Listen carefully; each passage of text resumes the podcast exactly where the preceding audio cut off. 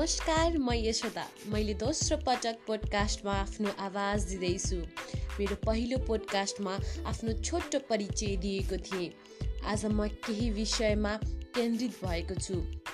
हामी सबैले सुन्ने गर्छौँ प्रहरी हाम्रो साथी। के लाग्छ हजुरहरूलाई प्रहरी हाम्रो साथी हो कि होइन? प्रहरी हाम्रो साथी होस् वा नहोस् पक्कै पनि प्रहरी हाम्रा सुरक्षाका लागि भन्ने चाहिँ सानैदेखि बुझेको थिएँ। सानो उमेरमा प्रहरी भनेपछि मलाई एकदम ठुलो कुरा हो जस्तो लाग्थ्यो। हुन पनि प्रहरी एक राष्ट्र सेवक जनसेवक नै हुन्। अहिले यस्तो समय पनि छ जहाँ हामी प्रहरीबाट डराउँछौँ। यसको अर्थ फेरि यो होइन कि प्रहरी आफैमा सबै गलत हुन्छन्। पक्कै पनि बुझ्नुभयो होला। मेरो प्रसङ्ग हालको परिस्थितिमै आधारित छ। जुन महामारीका लागि अहिले विश्व जुधिरहेको छ हामी नेपाली कोरोना सँगसँगै आफ्नै सुरक्षाकर्मी अर्थात् प्रहरीसँग पनि जुधिरहेका छौँ।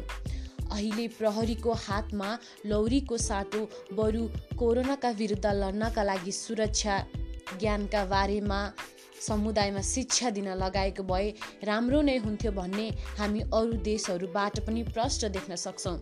अहिले लकडाउनको समयमा विभिन्न ठाउँमा प्रहरी र सर्वसाधारण बिच हातपात भएका समाचारबाट हामी सूचित नै छौँ।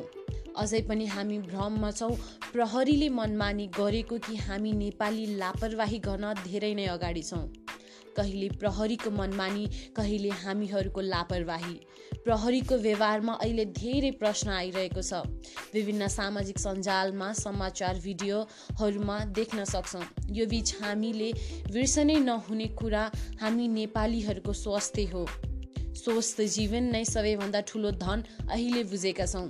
यो महामारीको परिस्थितिलाई बुझेर हामी सबै नेपालीले आफ्नो देशले रोग विरुद्ध सुरक्षित हुनका लागि गरिएको लकडाउनको अनुसरण गर्दै हरेक पेसालाई सम्मान दिनुपर्छ चाहे त्यो प्रहरीहरू नै किन नहोस्। आफू पनि सुरक्षित बसौँ अरूलाई पनि सुरक्षित हुन अनुरोध गरौँ। कोरोनाबाट बच्नका लागि घरमै बसौँ। स्वास्थ्य हाम्रो हो सुरक्षित पनि हामी आफै हुनुपर्छ। यो लकडाउनको समयमा खाली नबसी समयको सदुपयोग गरौँ। हाम्रो देश नेपाललाई कोरोना मुक्त बनाऊ। धन्यवाद।